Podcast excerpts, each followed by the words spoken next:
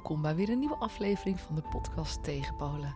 Vandaag interview ik Masha Tielemans. Zij is dansdocent, kunstenaar, psycholoog en ze verbindt in dans en woord en geeft les aan jong en oud. Ze runde jarenlang een eigen dansstudio in Haarlem, Mas Co. Maar sinds een jaartje woont zij in Senegal, waar ze werkt aan een nieuw danseducatieproject met École des Sables. Welkom, Masha Tielemans bij de podcast Tegenpolen. Eerst heette mijn podcast Wie ben ik echt? En toen ging ik mensen dan helemaal bevragen naar de weg naar hunzelf. En ik heb bedacht dat ik het leuker vond om mensen te leren kennen die ja, als tegenpol tegenover mij staan. Nou ben jij zeker geen tegenpol, maar wel in het dansaspect. Want jij bent dansdocent, onder andere. En ik, ik heb bij jou les gevolgd, maar ik, ik ben gewoon geen danser. Ik kan, het, ik kan er kort of lang over praten, maar het is blijkbaar niet bij mijn uiting van uh, ontspanning of zo. Ik denk altijd, oh, ik moet uh, nu iets doen en, en, ik raak ervan in paniek. Maar dat heb jij dus niet. Dus daarom vind ik het leuk om, om het, het, ja, het fenomeen dansen even met jou door te gaan zagen. Want jij weet daar en bent daar veel beter in. En hebt daar ook een manier voor gevonden om mensen met elkaar te verbinden. En daar gaan we het onder andere over hebben. Dus welkom. Leuk, dankjewel. Dank je. Jij woont uh, sinds een jaar, klein jaar in Senegal nu, hè? Want je ja. had heel lang een dansschool Massenco in Haarlem. Van waar jouw stap naar Senegal? Ja, uh, ik, in 2014 was ik voor de eerste keer in Senegal. Uh, voor een danstraining daar bij École des Sables. Dat is een groot danscentrum in Toubab Djelau, Senegal. En mensen van over heel de wereld komen, komen daar om te trainen, om te ontdekken. En um, ja, het is echt een magische plek. Dus in 2014 was ik daar voor de eerste keer. En toen ben ik daarna weer een keer daar naartoe gegaan voor een andere training. En vervolgens kwam ik daar om te werken. En ja, toen werd ik verliefd. Zo, meteen in het begin van een podcast. Je kan er maar beter meteen ja, mee beginnen. Ja, ik gooi het er meteen maar uit. en gelukkig werd hij ook verliefd op mij. En uh, hij is Senegalees. En we kennen elkaar al jaren. We waren bevriend met elkaar. En uh, toen, uh, toen ik hem weer ontmoette in 2019, toen uh, waren we allebei vrij van relaties. En ja, toen sprong er een vonk over. En toen ben ik weer terug naar Nederland gegaan. En ehm, mijn dansstudio heb ik afgerond. Want ik merkte na vijf jaar een dansstudio runnen, merkte ik van nou, het is wel een mooie tijd voor iets nieuws. En dat, ik dacht ook wel toen ik die dansstudio begon Um, dacht wel van ja, volgens mij na vijf jaar is dat wel, uh, is dat wel rond of zo. Oh, dat had je al van tevoren? Ja, oh, wat grappig. En dat merkte ik dus ook in het vijfde jaar. Merkte ik van ja, het is fantastisch. En de mensen zijn echt heerlijk om mee samen te werken. Het is een fijne plek. Uh, en ook oké okay om, dat, om dat nu af te ronden. En toen ging Massanco wat meer op reis. Dus ik ging wat lossere projecten te doen, weer doen. Eigenlijk zoals ik ben begonnen. En toen kwam natuurlijk uh, de hele situatie die de hele wereld heeft uh, aangeraakt. En ik zat thuis in mijn appartement en alles werd gecanceld. Want ik danste ook met mensen met dementie en dat werd als eerste geannuleerd. En ik zat daar zo boven in mijn appartement te zitten en ik dacht, ja, joh, wat doe ik hier? Ik wil buiten zijn, ik wil op de grond leven, ik wil meer contact maken met de aarde. En toen kwam er een mogelijkheid om te werken bij Ecole voor een langere tijd. En mijn partner was nog steeds daar. Dus toen dacht ik, ja, het komt samen. Dus ik vertrek. En toen uh, heb ik mijn huur opgezegd en mijn spullen weggegeven. En hier en daar wat verkocht, omdat ik natuurlijk heel weinig geld had en heb. en uh, ja, vertrokken met een paar uh, koffers naar Senegal. Wauw. Nou, gelukkig kende je het land al een beetje. Want Afrika is natuurlijk niet... Ja, da daar moet je wel even aan wennen, kan ik me zo voorstellen. In, in contrast met Nederland, hoe wij hier leven. Dus uh, kwam jij daar meteen dat je dacht... Oh ja, hier voel ik me thuis en ik, ik heb mijn draai gevonden? Of kostte dat wel meer tijd? Ja, wat je zegt van Afrika, ja, het is, het is een groot continent. Dus, en ik ben in verschillende landen geweest. En de, ja, het een is de ander, zeg maar niet. En um, er is wel, wat het grootste contrast voor mij is, is dat we hier in Nederland, wat ik ervaar, best wel op onszelf zijn. En um, op de plek waar ik leef in Senegal is het veel meer samen. En ja, komen mensen bij je op bezoek zonder uh, dat even aan te kondigen. Um, en als ik aan het eten ben, dan ga ik niet in mijn eentje mijn, mijn broodje opeten. Dat, dat deel ik met anderen. En dat is bijvoorbeeld hier. eh, merk ik dat dat heel anders is. Dus dat is voor mij een heel groot contrast. Wat ik juist heel erg prettig vind in Senegal. Dat het veel meer samen is en voor elkaar zorgen. Ehm, waarin ik soms ook wel voel van... Nou, even niet. dus als er weer iemand zo binnenkomt wandelen... Dan, dan zeg ik ook eerlijk dat ik soms even achter een muurtje sta te schuilen. Omdat ik ze zeg van... Oh nee, vandaag wil ik echt even in mijn eentje zijn. maar om dus bijvoorbeeld tegen die persoon te zeggen van... ja, vandaag even niet, dat, dat werkt eigenlijk Maar gewoon kennen ze ook niet echt? Of Nee, het is, het is, het is echt... Ja, het is... eh, het is community leven. Het is, we zijn er voor elkaar. ehm, eh, de deur staat open en... ehm, Dus je huis is eigenlijk niet alleen van jou, om het maar zo nee, te zeggen. Ja. Nee, en, je, en ook het leven is niet alleen van jou. En dat vind ik bijvoorbeeld heel erg mooi... als het ook komt tot, eh, tot bijvoorbeeld voor kinderen zorgen... of eh, nou, voor andere familieleden of vrienden.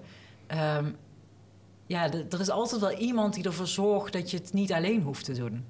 Dat is mijn ervaring. Hè? Dat is niet per se op alle plekken zo. En hier in Nederland heb je ook plekken... waar veel meer community leven is... Eh, alleen zoals ik ben opgegroeid, heb ik dat niet zo ervaren. Nee. En jouw vraag of ik daar dan meteen thuis voel. ehm, ja, dat, dat ja, wat is thuis voelen? Dat vind ik echt een. eh want ik merk dat ik, dat ik daar woon, dat ik me op momenten heel erg thuis voel. En op momenten totaal niet. En dat heb ik hier in Nederland ook. En dat zorgt er dus ook bij mij voor dat ik aan het nadenken ben van wat is, het, wat is thuis zijn eigenlijk? Wanneer voel ik me thuis in mezelf? En dan ga ik wel weer echt heel ver terug naar mijn opgroei. Ik heb nooit echt gevoeld om thuis te zijn in mezelf. Dus eigenlijk wordt dat concept van thuis zijn nu alleen maar vergroot. Nu ik dus soort van mijn thuis Nederland heb verlaten en om te gaan naar een ander thuis. En ook weer te merken van ja, ik voel me hier ook niet altijd heel erg thuis. Dus wanneer voel ik me dan thuis? Nou ja, Mooi, dat is wel een prachtige zoektocht. ja, toch? dat is, ja het, is best wel, eh, het is best wel intens eigenlijk. Ja, maar ook omdat je zegt dat je dat van, van huis uit, toen je jong was, dus ook niet hebt gevoeld.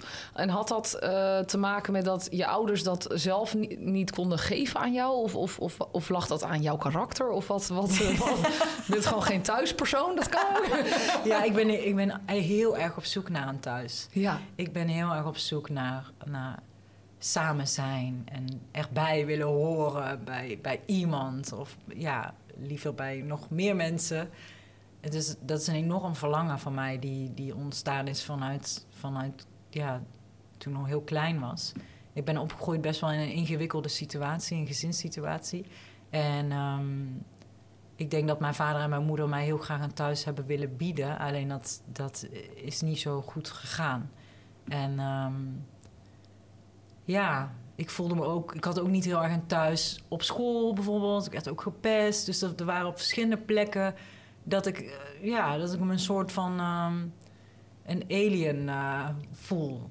Dat ik zoiets heb van, oh, maar ik ben zo anders dan de rest. En van jongs af aan voelde ik al heel sterk bepaalde... Ja, of ik, ik observeerde heel veel, ik zag van alles. Alleen werd er vaak gezegd, ja, je bent nog zo jong, dat is nog niet voor jou. Of daar hebben we het later wel over. En dat ik dacht, ja, huh, maar ik, ik voel dit en ik zie dat. En ik kon dat niet echt kwijt. En ik denk dat dat ook een onderdeel is van thuis voelen. Dat je erkend wordt. Ehm, ja, dat je echt een ruimte hebt waar je je veilig voelt. En dus niet alleen een gebouw, zeg maar, waar dan je huis is, je stenen en zo. Maar ook bij iemand. Dat je bij iemand en dat iemand je ook kan laten zien hoe het is om thuis te voelen. Om je veilig te voelen. En als ik dat, aangezien ik dat nooit echt mee heb gekregen, is dat iets wat ik mezelf mag aanleren. En Ja. dat is best wel een proces ja om zeker. dat aan mezelf aan te leren. En ik merk in Senegal, vooral ook omdat ik daar enorm, ik ben altijd buiten daar, heel veel in, in de natuur. En ik merk dat, er, ehm, dat dat juist nog meer mijn proces versterkt om naar binnen te keren, om te gaan onderzoeken van ja, wat betekent dat thuis zijn dan voor mij? En ook om te rouwen, dat, dat thuisplekje, dat gevoel van veilig voelen, eh, ook in mijzelf, of dat dat ja, da- daarom rouwen dat dat er niet per se is. En dat dat misschien kan komen, alleen dat dat nog wel een weg te gaan heeft, zeg maar. En dan tegelijkertijd begrijp ik wel heel goed wat thuis zijn is of veiligheid. Want ik kan het tegelijkertijd dan wel weer bieden aan de mensen waar ik mee werk. Ja. Of in mijn danssessies of workshops. Want dat is wat ik vaak terugkrijg. Van, ik voel me veilig, ik voel me gezien, ik, ik voel me erkend. En ja, dat is dus iets wat ik een ander... Want soms zeg je toch van... ja, als je niet van jezelf houdt, kan je ook niet van een ander houden. Of als je niet dat aan jezelf kan geven... dan kan je ook dat ene niet aan een ander geven. En daar geloof ik dus niet zo in. Omdat ik heel goed begrijp wat het, wat het is. Waar ik dan naar verlang. En dat Ja. gun ik ook de ander. Ja, en voornamelijk ook dat aspect van erbij horen, er, eh, erbij zijn. Je, je mag zijn wie je bent. En dat, nou, dat is mooi een haakje naar, want ik heb een van jouw oud-leerlingen even gevraagd om een quote van jou eh, te geven van jouw eh, lessen. En dat is, zij zegt. Wat ik zo bijzonder aan Masha vind, is dat zij de lessen altijd leuk maakt, speels en grappig is. En verbinding maakt met jou en de groep. Zij zorgt er echt voor dat je zakt in je lijf. Daarnaast is ze energiek, speels, de verbinding met de groep, oh, dat had ik al gezegd. Dat vind ik kenmerkend aan haar. Energiek, speels en de verbinding met de groep.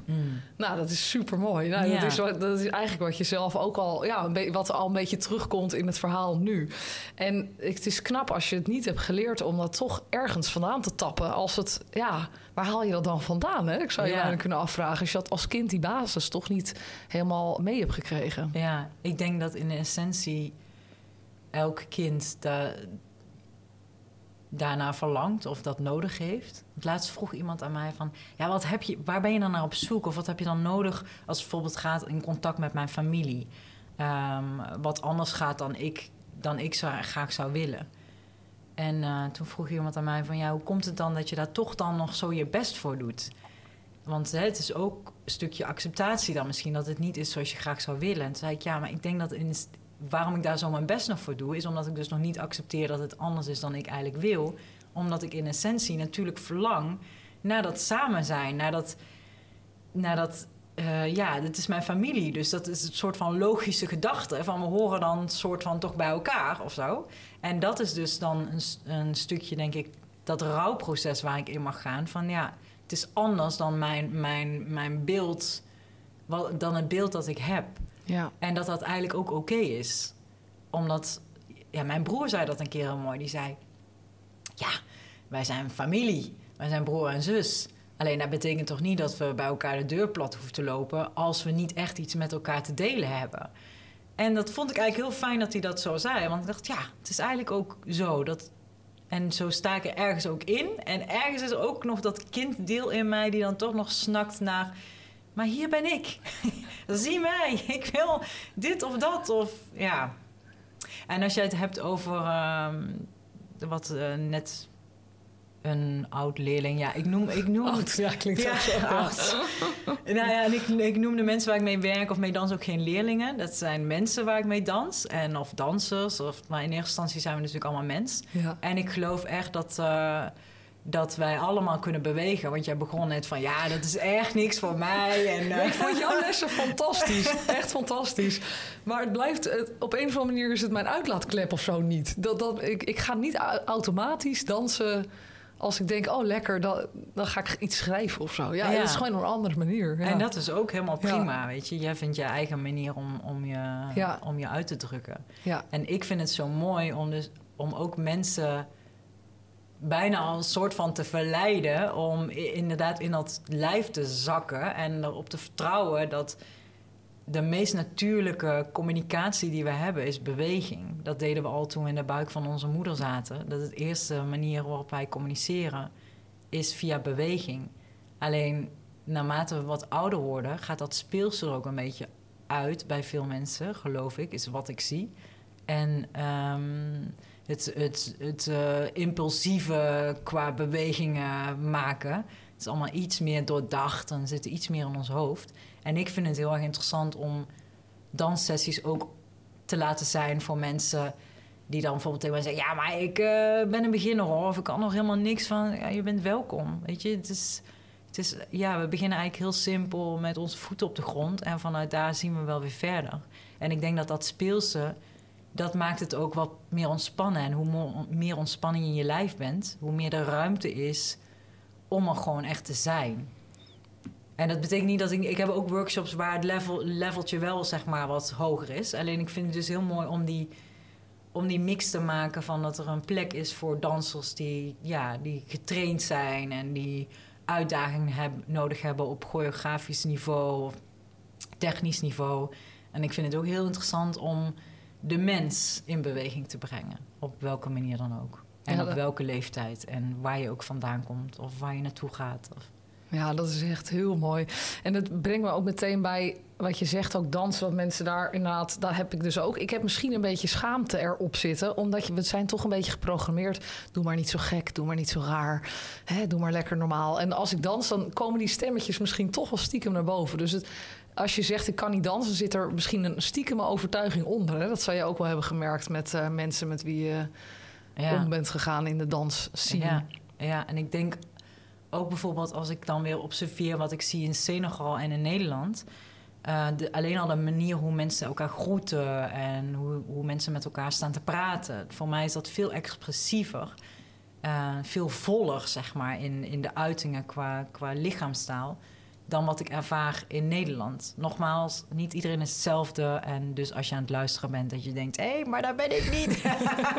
Er is altijd een uitzondering. ja, zeker. En heel veel uitzonderingen. Ja. Ehm, ja. Mooi. En jij zei al even eh, dat je ook had, en dat vond ik mooi, want dat heb ik op Facebook een beetje gevolgd, dat jij danste met mensen met dementie. Ja. Kan je vertellen over dat project? ja, ik heb eh, gewerkt bij een ontmoetingscentrum. En eh, daar komen mensen met dementie, ehm, die komen daar een hele dag zijn en van alles en nog wat doen. En daar heb ik verschillende danssessies verzorgd. En op een gegeven moment ging ik dat op verschillende plekken doen. En we hebben ook een project Dans met mij. En ja, dat is echt wat het zegt. Dans met mij. Dus wat ik dan eigenlijk doe is, wat ik net ook al zei... ik verleid de mens om met mij in beweging te gaan en met elkaar. En vaak is het met mensen met dementie zo dat ze geen initiatief tonen. En dat als ik zou vragen, wil je met mij dansen? Dan wordt er snel gezegd nee, of dat kan ik niet. Of als je het doet, dus ik zet mijn lijf echt letterlijk in... dan verleid ik, doordat ik al aan het bewegen ben... verleid ik de ander om mee te gaan in, in de dansbewegingen. En voor je het weet ben je dus met elkaar aan het dansen. En wat ik doe met danssessies, wat we, ik kan misschien wel een beetje uitleggen hoe dat werkt. We zitten altijd in een kring. Voor mij is een kring echt. eh, ik weet nog dat ik jaren geleden, toen ik net van de academie afkwam, net zo aan het lesgeven was, altijd gericht naar de spiegel en in de dansstudio. En op een gegeven moment, toen ik dus naar Senegal ben geweest en nou ja, eh, verschillende soorten dansstijlen ging ontdekken, ik dacht van nee joh in een kring is veel, veel logischer. Want dan kun je elkaar zien en dan kun je op elkaar reageren. En dan heb je ook dat moment van hé, we zijn echt samen. Want ja, dans is voor mij ook een sociale aangelegenheid. En eh, dus met die mensen met dementie zitten we in een kring. En de een is 100 jaar en de andere is 65 jaar. En wat ik doe is, we beginnen met even arriveren. Nou, hier zijn we met z'n allen. Misschien eh, wrijven we even onze handen. We schudden een beetje met de schouders. En dan bouw ik dat zo langzaam op. En dan zie ik op een gegeven moment Truus, die is een hele andere beweging aan het maken. En dan zeg ik, Truus, wat heerlijk daar ga je met die schouders. Wij gaan met je mee. Ja, op. En we doen allemaal de Truus-beweging.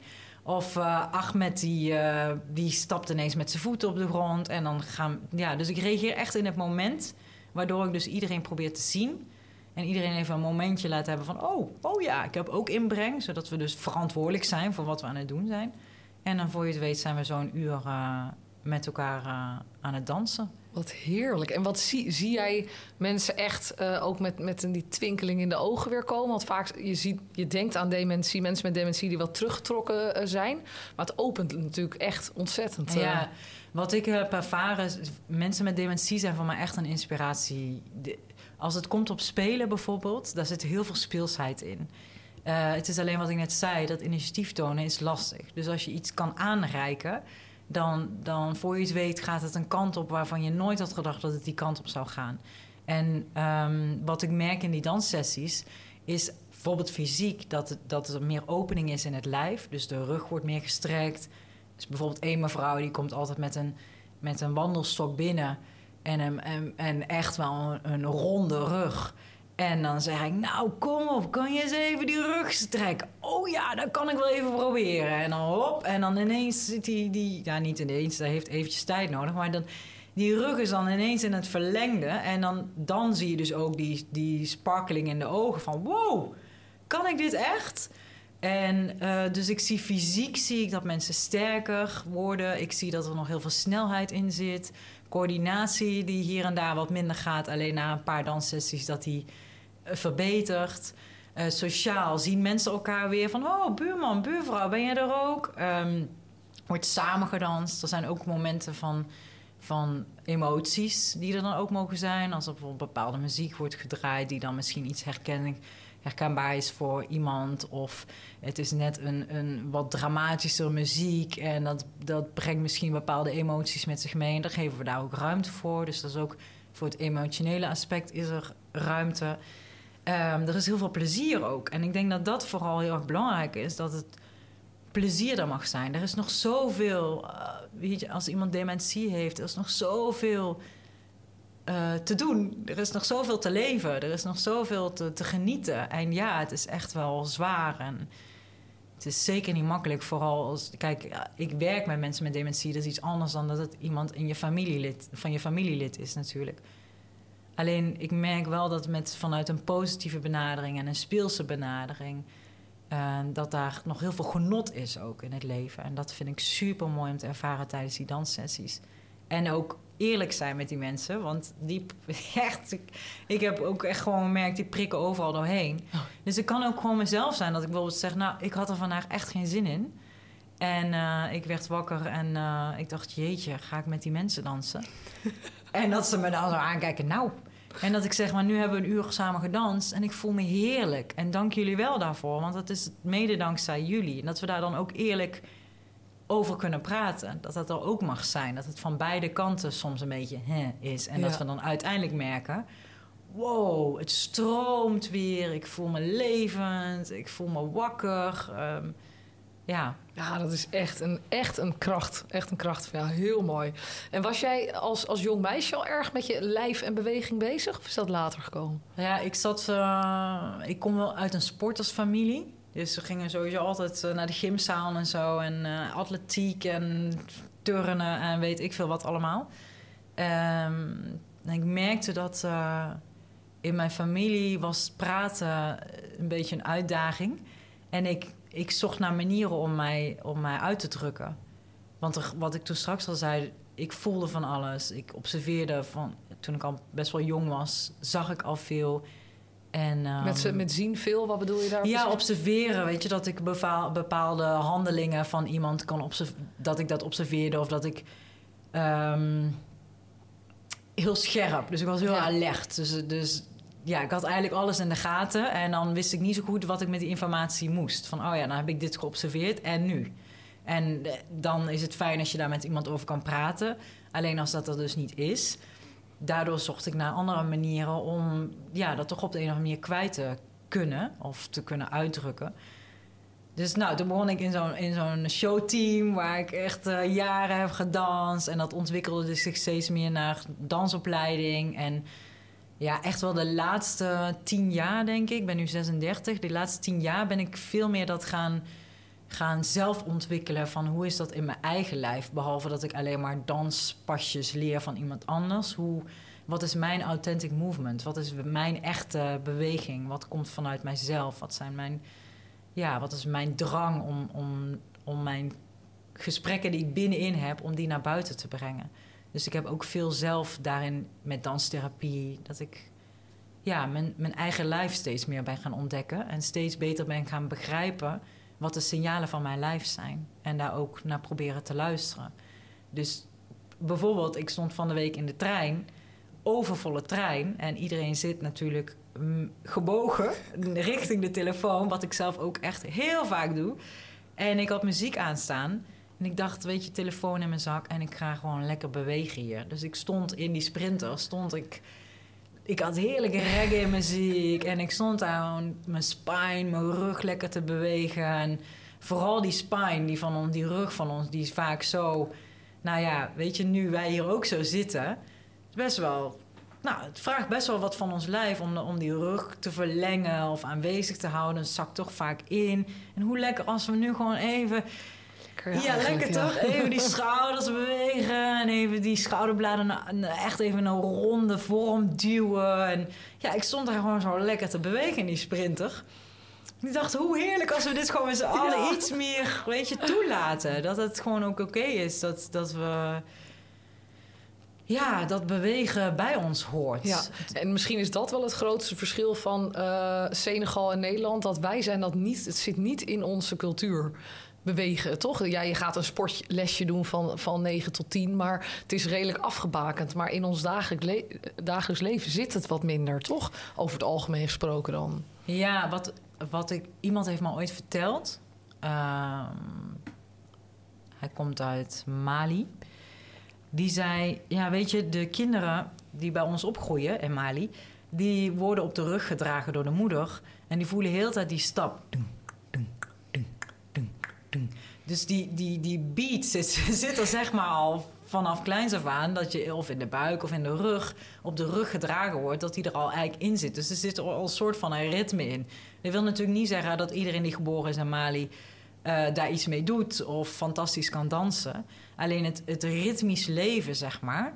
alleen al in de dagelijkse beweging van eten, bereiden... Zit al veel meer, is veel meer aanwezig. Ehm, en het, het, het expressieve ook. Er wordt gedanst tijdens begrafenissen, er wordt gedanst tijdens eh, trouwerijen, wanneer er iemand geboren is. Alleen dat hebben wij hier in Nederland ook wel. Alleen eh, wat iets meer geordend of georganiseerd of ja, het is iets minder ehm, in de spontaniteit ook of zo. Tenminste, dat denk ik. Alleen, ja, dan ga ik toch weer terug naar hoe we ooit begonnen zijn. En dat is in die buik. En Ja. daar, daar is een babytje echt wel actief in beweging over het algemeen. Het is meer dat onze maatschappij er zo op ingericht is... dat het ja, niet heel erg... ehm, dat we er niet de hele tijd mee geconfronteerd worden op een positieve manier. Als ik als kleinkind hier op straat loop en ik zie heel weinig dat er, dat er dans of beweging of ritme of, of muziek, dat dat heel weinig aanwezig is, wat nu nog veel minder wordt. Ja, dan ga ik ook niet van zo'n kind verwachten dat, dat wanneer het kind 16 of, of 20 of 36 is, dat hij ook gewoon lekker vrij uit zichzelf in beweging gaat. En het wil niet zeggen dat in Senegal iedereen in de bus staat te dansen, hè? want dat is absoluut niet waar. Dan zijn ze ook soms gebogen naar beneden. Ja, nee, ja, want ook in Senegal bijvoorbeeld met dans wordt niet eh, overal geaccepteerd. Het is best wel ook een ding. Dus Oh, het- geaccepteerd ook echt. ja, als het, als het bijvoorbeeld als, een, als echt als je professie... want er zijn echt fantastische dansers in Senegal... die daar eh, hun werk van maken. Ehm, maar dat wordt door heel veel mensen niet eh, geaccepteerd. Of eh, ja, dat is, dat is toch geen professie. Daar ga je Ja. toch geen geld mee verdienen. En dat is hier in Nederland ook bij heel veel mensen het idee van... als ik bijvoorbeeld... Ik gaf laatst een workshop ergens en toen vroegen die mensen aan mij... en wat, wat is je werk? Wat doe je hiernaast, zeg maar? Ja, dit is mijn werk. Dans is mijn werk. Oh, echt? Dus het is in Nederland ook... eh, er is hier, heerst hier ook een beeld van... ja, van dans maak je geen werk. ja. Daar verdien je toch niks mee? Of hoe ga je dat dan allemaal rondkrijgen? En dat is in Senegal op heel veel plekken is dat ook. Ah, Dus ja. er is wel, eh, als er een bruiloft is, wordt er enorm gedanst. Alleen ja, die ene danser die ook zo lekker staat te dansen, die bruiloft en de volgende dag s- s ochtends wakker wordt om de hele dag te gaan trainen voor zijn dans, voor zijn werk. Dat wordt door heel veel mensen niet, eh, niet gezien als oké. Nee. Maar daar kan jij dan verandering in brengen, een beetje door te zeggen van kijk, ik doe het ook, dus het kan wel. In Senegal? Nee, ik denk niet dat ik als witte vrouw Nee, daar... dat kan niet, dat dat niet, niet mijn plek is om Nee. daar... eh, nee. Nee, snap ik. Want jij bent inderdaad, ja, je bent duidelijk. Zij zien jou, blijven jou waarschijnlijk zien als de witte vrouw uit eh, het buitenland. Ja. Dat kan niet anders misschien. Dat is gewoon Ja. een feit. Kleurverschil, dat, ja. En je bent in die omgeving ook waar je woont, daar zijn, zijn niet veel andere buitenlandse landse mensen. Ja, er wonen best wel wat, eh, wat mensen uit eh, verschillende landen. Ehm, en, en ja, ik zal die witte vrouw blijven omdat ik dat ook ben. Ja. En uh, ja, dat hebben we ook te danken aan onszelf, witte mensen. Dus het uh, kolonialisme, dat is gewoon nog echt sterk aanwezig. En dat zit zo in ons DNA, van ons allemaal. Ook bij mijzelf, dat ik ja, echt nog wel momenten heb van... oh ja, beseffen van ja, er is een bepaalde situatie die zich voordoet... omdat uh, het zo in ons DNA zit dat bijvoorbeeld... ik loop daar in, in, uh, in, uh, op de plek waar ik woon, in het dorp waar ik woon... en dan komt een kind naar mij toe en die vraagt, heb je een pen voor mij? En dat ik dan samen met mijn partner zeg, ja, waarom vraag je dat aan mij? Ja, ja je, je hebt toch altijd... Je, je, jij bent toch de persoon die een pen... Want hoeveel witte mensen ja. gaan naar het continent Afrika... met pennen en boekjes en weet ik veel wat. Ja. Ik, ik heb dat zelf ook gedaan en ik denk dat het op sommige plekken oké is... Alleen als dat de focus is van we gaan naar het continent Afrika om daar de mensen te redden. Ja. Ik denk dat het juist omgekeerd zou Ja. mogen zijn. Ja. Ik denk dat, dat wij Europa heel veel te leren hebben van. Afrika. En dus als zo'n kind naar mij toe komt, dan ja, dat, dat komt van ver, ver, ver, ver. Ja. Wat vanuit het witte mensen, vanuit het kolonialisme is ontstaan. Dus er is nog heel veel gaande tot op de dag van vandaag. Want veel mensen zeggen, ja, het is toch lang geleden. Nee, het is nu nog steeds aanwezig. En ehm, ja, wil niet zeggen dat ik dat dan eh, zoiets heb van, oh ja, het zal wel. Want het, ik vind het vervelend. Want juist om, als ik dan weer even terugga naar, ik wil ergens bij horen. Ben je de vrouw Nou, van die pen? eh, ja. Ja. die vrouw van die pen. Dus eh, alleen ja, als, als ik dus... Ik ben echt van overtuigd als ik zelf begrijp waar dat vandaan komt... dan kan ik dat ook beter plaatsen. En ik denk dat dat voor ons allemaal geldt. Dat als we ons eigen onderzoek doen... van hé, hoe komt het bijvoorbeeld dat ik... eh, juist zo graag die pen zou willen geven... of me aangevallen voel dat zij die pen aan mij vraagt... of daar verdrietig over ben of wat dan ook... Als ik dus het onderzoek bij mezelf doe van waar komt dat vandaan, geschiedeniswise en bij mezelf, hoe vind ik dat persoonlijk en, en hoe gaat dat dan in het heden en hoe kan dat in de toekomst anders gaan. Ik denk dat, dat, ja, dat we met z'n allen daar echt wel een verantwoordelijkheid in te dragen hebben. Ja. Wat kunnen wij eh, van Senegal leren? Eh, de creativiteit. De, en wat ik daarmee bedoel is ja, de vindingrijk vooral. Er is zo vaak dat, ik, dat er iets bijvoorbeeld in ons huis niet meer werkt. En dan zeg ik, ja, nou, dan moeten we maar een nieuwe kopen.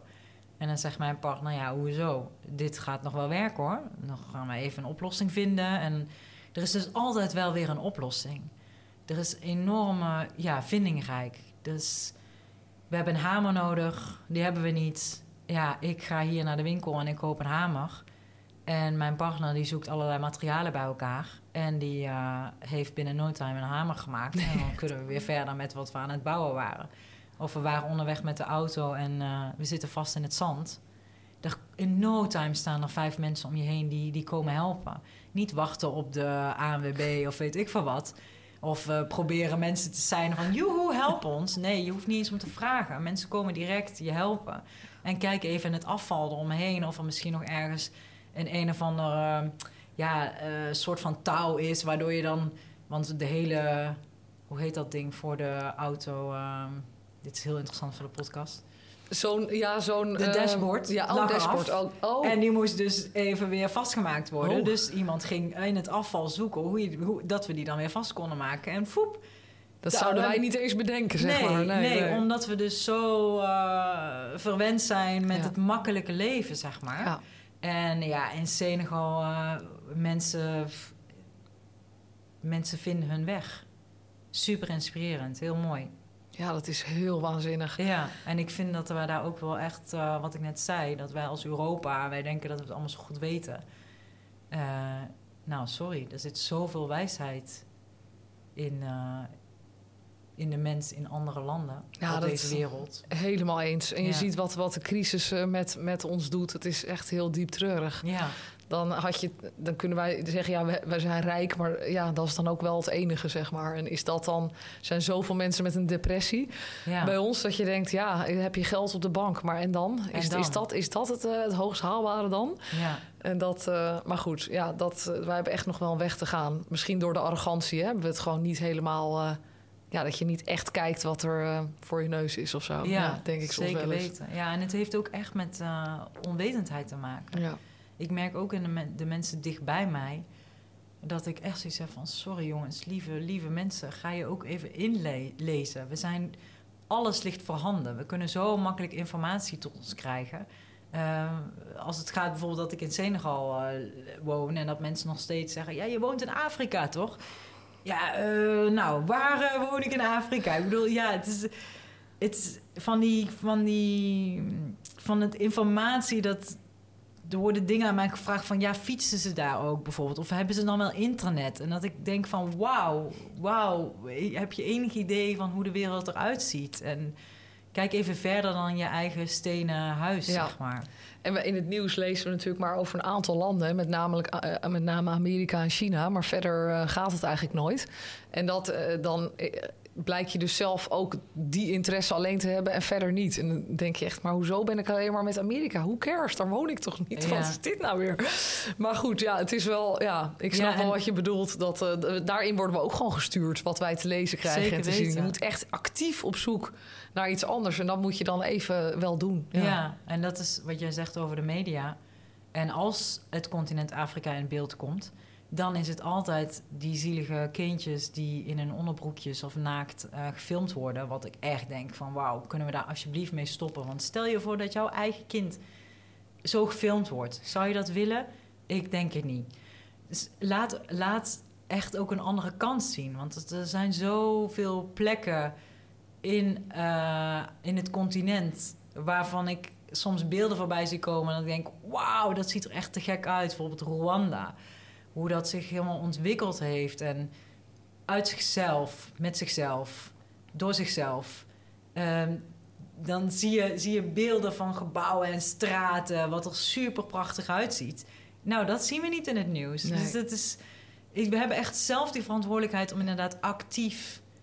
Weet je, wie, wie volg je op Instagram ja. bijvoorbeeld? Volg je ook de mensen? Soms uh, is het goed om eens een keer door je, je, je tijdlijn te scrollen van... hé, hey, wat zie ik eigenlijk allemaal aan beeld? En ben, is het wel up-to-date van hoe het er in de wereld echt aan toe gaat? En ja, ben ik daarin ook inclusief, zeg maar? Ja. Betrek ik ook mijn... degene die ik volg, zit daar ook de mensen tussen... dat misschien soms een beetje confronterend voor mezelf is. Alleen wel gewoon wel echt um, belangrijk om... om mezelf daarover te informeren. Ja, echt een compleet wereldbeeld te krijgen. En dan ben je ook, ja, het is ook fijner voor, voor gesprekken met mensen. Dat je, hè, dat ja. je wat, wat breder kan kijken dan alleen het stukje van je eigen straat en wat jij toevallig openslaat in de krant. Ja, ja dat, dat snap ik helemaal. Denk jij dat je nog uh, ooit weer in Nederland uh, echt weer kan settelen? Of is dat, ook, is dat nu helemaal niet een, uh, iets waar je over nadenkt? Ja, daar ben ik wel over aan het nadenken. Ik ben nu twee maanden hier in Nederland om familie en vrienden te, te zien en daarmee te knuffelen. Want dat is echt een grote opoffering voor mij. Dat vind ik heel erg moeilijk. Dat zij zo ver van mij vandaan zijn. Uh, en uh, met mijn partner erover gesproken van ja, hoe en wat de toekomst. Kijk, ik kan heel makkelijk naar Senegal. Ik heb daar een verblijfsvergunning gekregen, vrij makkelijk. Hij kan niet zomaar naar Nederland. Nee mensen vragen aan mij van... hé, hey, maar gaat hij niet mee dan even? En, uh, ik zo, nee, kan niet. Alleen al even zou niet kunnen nee. als, als toerist, zeg nee, maar. Nee, dan moet je een visum aanvragen. En dat is echt een heel enorm proces. Wat super oneerlijk is. Ik zag laatst een bericht voorbij komen... van een vrouwelijke president. Ik weet even niet meer welk land. Die zei... we moeten echt die visa afschaffen. Ja. Dus we moeten gewoon...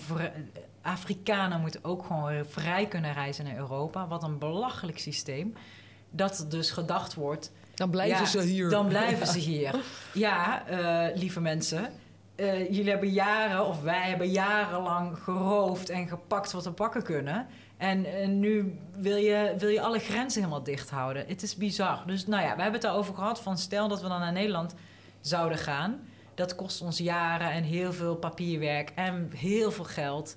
En hij wil helemaal niet in Europa zijn. Dat, oh, dat is ook een belangrijke, ja. en, uh, ja, dus, en toen kwam ik hier, uh, de eerste paar weken liep ik hier rond. En toen dacht ik, nee, volgens mij uh, kunnen wij hier ook niet echt met z'n tweeën helemaal aarden. Nee. En wat dan wel, daar zijn we ook nog niet helemaal over uit. Dus het, ja, het zijn best wel grote vragen. Want het is altijd een opoffering voor ons beiden. het is altijd of daar of hier. Ja, Ehm, en een van jullie zal altijd dan het gemis hebben eh, Ja. van misschien je eigen land en de mensen daar. En ja, ja, ja, dat is natuurlijk met een, een relatie met iemand uit het buitenland altijd een, eh, een dingetje. Ja. Ja. en dan vooral dus iemand uit Senegal. Kijk, Ja. als je dan makkelijk heen en weer kan reizen, dat is geen probleem. Dan gaan we gewoon met z'n tweeën eens een paar maanden in Nederland en dan weer terug naar Senegal. En zo makkelijk is het dus niet. En alleen dat al, dat, dat hele systeem, daar, ja, dat wij beiden, mijn partner en ik, vinden dat echt een heel naar systeem. Ja. Dus het is ook de vragen voor ons daar helemaal in willen storten, omdat het vraagt nogal wat. ja. En ehm, ja, nou ja, dus voor nu ga ik eh, binnenkort weer terug naar Senegal. En dan eh, zie ik vanuit daar wel weer verder. Ja, snap ik. En hoe, eh, gewoon even een persoonlijke vraag, of niet persoonlijk, maar dat weet ik eigenlijk niet. Hoe leeft corona in Senegal? Daar ben ik dus niet op ingelezen, dus ik heb werkelijk geen idee of er überhaupt besmettingen, hoe mensen daarmee omgaan. Eh, ja, er zijn wel eh, wat besmettingen. En, maar Senegal is best wel vanaf het begin af aan gewoon goed mee omgegaan. We hebben af en toe een avondklok gehad, wat heel vreemd is. Vooral voor mensen die op de straat werken. Ja, de, de grote evenementen was in, de, in het begin vrij snel werden die geannuleerd. Ehm, afstand houden is een luxe. Ik bedoel, ehm, Iedereen- ja, als je op er leven leeft. zoveel mensen eh, dicht bij elkaar. En voor heel veel mensen is dat concept van afstand houden gewoon zo onnatuurlijk. Wat voor ons hier in Nederland ook is. Eh, ja, ehm, wel dat er, ja, er wordt veel gehamerd op handen wassen. En, nou ja, niet iedereen heeft dat voor handen ook. Niet iedereen heeft stromend water, niet iedereen heeft zeep. Het contrast is heel groot. Dus Er leven mensen in Senegal die echt veel geld hebben. En eh, bijvoorbeeld onze buren, die hebben een dikke auto voor de deur. En mega groot, mooi afgebouwd huis. En wij wonen bijvoorbeeld zonder stromend water. We halen water uit onze put die in de tuin staat. Ah ja. Dus het contrast van onze buren met ons is al heel groot. En zo is dat met COVID, is dat contrast alleen maar groter geworden. Ja. Want de mensen die op straat werken, die ineens niet meer eh, een tijd bijvoorbeeld niet mochten werken. Of nu omdat het toerisme helemaal plat eh, ligt. Nu begint het weer een beetje te komen, want mensen mogen weer vrij reizen naar Senegal, gelukkig. Eh zorgen ervoor dat het contrast nog groter is. Alleen ja, voor, qua, qua aantallen is best wel, is best wel oké. ja. Ja, het klinkt raar om te zeggen. Qua Ja. aantal is best wel oké. Eh, niet zoals in Nederland. Nee. Dus sommige mensen waren bang van... oh, ga je dan nu naar Senegal? En wat als er iets gebeurt? Er zijn ook gewoon hele goede ziekenhuizen in Senegal. Nee, ja. Ehm, en ik zei, ja, sorry, ik kan beter in Senegal zijn dan in Nederland... als het komt tot, tot COVID ook. Want ehm, ja, dus het gaat best wel oké. Alleen het is... Het is niet voor iedereen... eh, afstand houden, thuiswerken. Dat zijn echt luxe issues. Maar thuiswerken, ja. Maar, wat moet je doen dan? Ja, Op weet je zo- computer, ja. Ja, de mensen die dus op kantoor werken, Ja. die er ook heel veel zijn in Senegal, die kunnen prima thuiswerken. Maar als je een straatverkoper bent, de, thuiswerken is dus geen geld verdienen. Want Nee. ja, je kan niks thuis doen. Dus ehm, Maar is, is dat wel gepredikt dan vanuit de regering? ja, eh, voor de mensen die dus echt, ja, die op kantoor werken bijvoorbeeld. Ja, dat precies. is wel, eh, ja, ja. Maar verder de markt is, ik geloof dat hier en daar af en toe de markt afgesloten was. Ja. Eh, maar dat, dat houdt gewoon niet lang stand. Want dat- gaat niet. Nee, Dan dat is het leven niet op nee, ingericht En dan gewoon. verdienen mensen geen geld. En er zijn een hele grote groep mensen die het geloven. Een hele grote groep mensen die het niet geloven. Je geloof als, zich als van Eh, ik, word er, ik word ziek of niet. Ja, of dat het bestaat. Er zijn ook mensen die, ja. die geloven dat het bestaat... of dat het een ziekte is van de Westen. Of, eh, Ja. En er zijn een hele grote groep mensen die er wel degelijk eh, in geloven dat het bestaat. Dus ehm, dat wat we hier in Nederland hebben, dat kennen we in Senegal ook. Ja, gewoon die, die verdeling, Die verdeling, zeg maar. ja. ja, ja, Alleen iets eh, veel minder extreem. Ik merk dat er hier ook ja, gewoon heel veel mensen op wat voor manier dan ook in de angst zijn geraakt. Hè? Of je wel of niet eh, aan de geloofkant staat. Of gewoon het, het idee van de crisis heeft heel veel angst teweeggebracht. Wat ik al heel pijnlijk vind om te zien. Omdat Mhm. ja, het is gewoon niet leuk om, om bang te zijn. En merk jij dat daar ook? Dat, dat, dat, dat ja, mensen er echt angstig van eh, zijn geworden? Mm, ja. Ja, dat merk ik wel. Alleen, ja, mensen... eh, Ik merk dat... Oeh, ik vind het moeilijk om te zeggen, want eh, er zijn wel mensen dichtbij me in Senegal die, waarvan ik wel merk dat er, dat er wel wat angst heerst. Eh, alleen ik kan niet zo zeggen of dat nou heel veel mensen in Senegal Nee. aangaat. Nee. En wat ik net zei, er zijn heel veel mensen die zijn er niet eens mee bezig, om die, omdat die hele andere eh, dingen aan hun hoofd hebben. Het gewoon Die hebben- overleven. ja, die hebben geen tijd om daarover na te denken. En ook heel veel mensen hebben heel wat anders, ja, best wel wat meegemaakt. En dan is dit zoiets van, oh ja, nou, komt wel goed. Ja, En we gaan gewoon door. ja. Dus ik vind het moeilijk om, om daar... eh, Ja, dat snap ik inderdaad, ja. ja. Ehm, ik wilde nog vragen, want er stond ook ergens dat jij psycholoog bent. Ja. Dus ja, wat voor opleiding heb je allemaal gedaan? Nou, we gaan van de angst naar de ja, opleiding. Ja, precies. Ik, ben- ik maak altijd hele bruggetjes die nergens op slaan. Nou, maar in één keer dacht ik erop. Ja, joh. Nou ja, psychologie en eh, angst. Dat zit is wel, ja, je kan eh, zeker wel een brug En dan slaan. beweging, want als je angstig voelt, is het wel heel goed om te bewegen. Wat natuurlijk voor veel mensen moeilijk is. Want juist als je angstig voelt, dan ga je vaak juist in het lijf en nog meer achter de deur. Beetje verstijven. deur- ja, dat de deur dicht blijft. En, eh, ja, ik heb eh, toegepaste psychologie gestudeerd, gestudeerd, HBO. Na mijn dansopleiding merkte ik dat ik eh, ja, ook ander soort informatie binnen wilde krijgen. En ik merkte tijdens mijn dansopleiding dat ik eh, om me heen keek en dacht... ja, lieve mensen, we zijn ook gewoon mensen. Ik zeg best wel vaak lieve mensen trouwens. En eh, dus toen heb ik, ben ik, heb ik mezelf iedere avond de vraag gesteld... wat wil ik? Want ik zat best wel in, in de knoop van... ja, ik wilde toch altijd danseres worden... en nu eh, wil ik het ineens helemaal omgooien. Maar ik merkte dat ik, ja, dat ik me ook wilde omgeven... met, met andere mensen dan alleen eh, de dansers. En toen heb ik mezelf elke avond de vraag gesteld... wat, eh, wat zou ik willen? En toen op een dag werd ik wakker en zei ik... ja, ik wil iets met psychologie doen. En toen ben ik hbo toegepaste psychologie, psychologie gaan studeren. En wat betekent het toegepast? Ik, ik weet niet precies wat het... Ja, dat is een goede vraag. nou, je hebt natuurlijk HBO en universiteit. Ja, oké, Dus het, is, ja. het heeft alleen al daarmee te maken dat er verschil zit tussen de HBO en universiteit. En ik kwam van een MBO-dansopleiding, omdat ik MAVO had gestudeerd. Dus ik kwam van de MBO-dansopleiding, toen ging ik naar de HBO-dansopleiding. Maar dat merkte ik al snel van, ja, joh, daar gaan we weer. En eh, vandaar dat ik naar de HBO toegepaste, want dat, hè, dat HBO is meer toegepast, dus dat is, meer in de actie. Eh, ook theorie, theo- theorie natuurlijk. Is veel meer gericht op coaching, tra- training, eh, voorlichting geven. Eh, vandaar dat het toegepaste. Ja, precies. Ik hoop dat mijn collega's toegepaste psychologie meeluisteren en zeggen: Ja, maar je hebt het goed gezegd. Maar dat is natuurlijk ook alweer een tijdje geleden. Maar zoals ik het bij mijzelf eh, zie, is dat ik het toepas in mijn eh, dans. eh, wanneer ik individuele danssessies verzorg. Wanneer ik dans met mensen met dementie. Ehm, tijdens mijn dansworkshops, wanneer, wanneer het eigenlijk meer puur gericht is op echt danstraining, dan probeer ik de, de. Het is altijd aanwezig, mijn therapeutische kant. Alleen die probeer ik dan zoveel mogelijk dat ik dat wel gescheiden hou. Want Ja. sommige mensen komen om te dansen, echt om te dansen.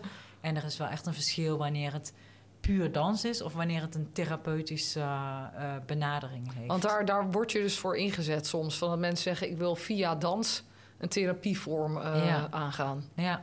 En dan kan jij zien van de bewegingen die mensen maken... of waar het in het lijf vastzit. Hoe, Nou, wat, het ligt een beetje aan wat, wat die persoon, waar die persoon naar op zoek is, of wat de behoefte is van die persoon.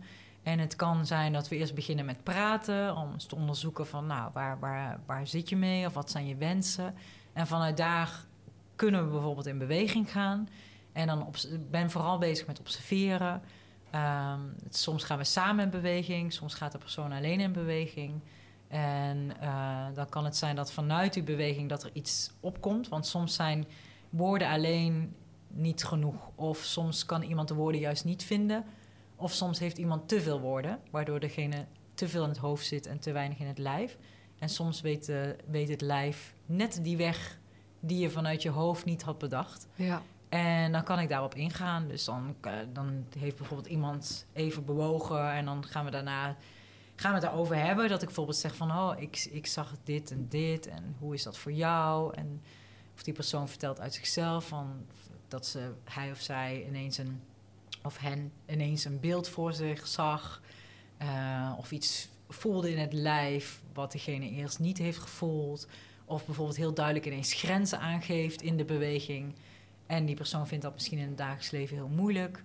Dus dat zouden we ook kunnen gaan onderzoeken. Dus er zijn verschillende uh, invalshoeken hoe ik dat benader. Het ligt echt aan de persoon, wat, ja, waar die persoon behoefte aan heeft. Ja, mooi. Het lijkt me een wat luchtigere manier, maar ergens kom je toch op hetzelfde uit als je bijvoorbeeld een één op één sessie in een stoel met een zakje tissues naast je zit. Hè? Dit is even wat, wat het voelt wat uh, makkelijker toegang te krijgen tot iemand. Ik weet niet of het waar is hoor. Nou maar... ja, het ligt er dus aan of diegene al. Want het is soms met iemand die, die niet gewend is om te bewegen. Soms is het met iemand die wel gewend is om te bewegen. Het kan ook heel spannend zijn, ook al ben je al wel gewend om te bewegen, om ineens één op één sessie te doen. Want jij kijkt naar iemand die beweegt. Ja, dat is ook best wel eng of zo. Ja, ja. ja dat, dus voor belangrijk dat de veiligheid er is. Dat is het eerste. En dat we elkaar eerst een beetje leren kennen. En echt stapje voor stapje gaan onderzoeken van ja, wat is mogelijk en wat past goed bij die persoon. En, dus het kan, ja, het is niet per se, uh, oh nou dan uh, fladderen we wat even in de ruimte. en alle dan, trauma's komen zo Ja, en dan voel ik me daarna helemaal verlicht. Nee, zo, zo, zo werkt het niet. Oké. Nee, en het kan heel klein zijn in beweging, maar een hele grote, grote impact kan het hebben. En dat, ik denk ook dat alles ligt opgeslagen in ons lijf. En dat soms bepaalde situaties, trauma's bijvoorbeeld uh, met alle recht uh, weggestopt zijn. En ja, dat is wel echt iets om voorzichtig mee om te gaan, om dat ook weer te openen. Ja, ja. Uh, want soms ja, kan het op plekken, kan het je naar plekken brengen waar je misschien bijvoorbeeld nog niet klaar voor bent. Ja. maar het kan ook zijn dat iemand meer contact wil maken met het eigen lijf. En dan, gaan we, dan is het meer, veel meer gericht van oké, okay, echte bewustwording van het eigen lijf. Hoe sta ik? Hoe loop ik in de ruimte? Uh, ja, hoe, voel, hoe voelt mijn lijf uh, als ik mijn armen die kant of die kant op beweeg? Dus het, het zijn heel veel mogelijkheden. En doe jij dat dan, pas je dat ook bij jezelf toe als je even denkt van hé, hey, ik, ik, ik zit er niet helemaal in in mijn lijf? Ja, ik merk dat uh, als ik, uh, waar ik het er straks over had, dat proces van thuis voelen. Ik woon naast de zee in Senegal. En um, ik, ga eigenlijk, ik ga bijna iedere dag naar de zee. Maar er zijn soms dagen dat ik niet ga. En dan weet ik, dan ben ik dus iets aan het vermijden. Want zodra ik bij de zee kom en ik ga dan heel vaak in beweging, dan neem ik even een dansmoment voor mezelf. En soms vermijd ik dat, omdat ik niet wil voelen wat er allemaal uh, gaande is. En uh, als ik dan, dan toch weer ga, dan merk ik, wauw, ja, de antwoorden zitten in mijzelf. Dus beweging geeft voor mij zoveel helderheid.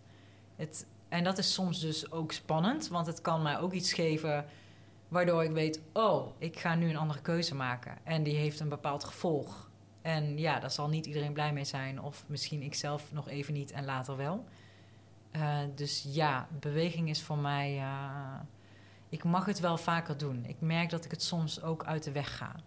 Uh, ja, je beweegt waarschijnlijk genoeg in lessen, maar je bedoelt echt voor met jou. Mezelf, ja. Echt met mezelf. Ja. ja dat bedoel ik. Dat ik echt met mezelf, wat je net vroeg van, hè, als, als ik voel dat ik er niet, even, niet lekker in mijn vel zit of zo, dan is beweging voor mij dans, creativiteit, uh, echt wel het antwoord. Alleen dat vind ik soms een beetje moeilijk om daarvoor te kiezen. Want dat, ja, ja, dat is wel heel herkenbaar hoor. ja, ik denk dat iedereen namelijk weet wat goed is voor hè, hem, haar, hen. Maar uh, dat, ja, ja, je hebt een saboteur die ook gewoon zegt... nou, het is wel even goed. En we gaan nu eventjes in het hoofd gaan we het allemaal bedenken en doen. En, ja. Maar ja, daar zit toch vaak de oplossing niet. niet soms wel, maar ik denk 90% van de keren... zit het toch gewoon in de, in de gevoelsintuïtie ergens in je lijf, toch? De, de, de keuzes, alles wat je doet, doe je toch op een soort ja, een gevoel, uh, denk ik. En niet echt vanuit ra ratio, kan wel... Maar ik denk dat je gevoel heeft dat je dan al eerder vertelt wat, uh, wat goed is voor je of zo. Ja, wat je zegt, doet. Weet je, en het lijf doet.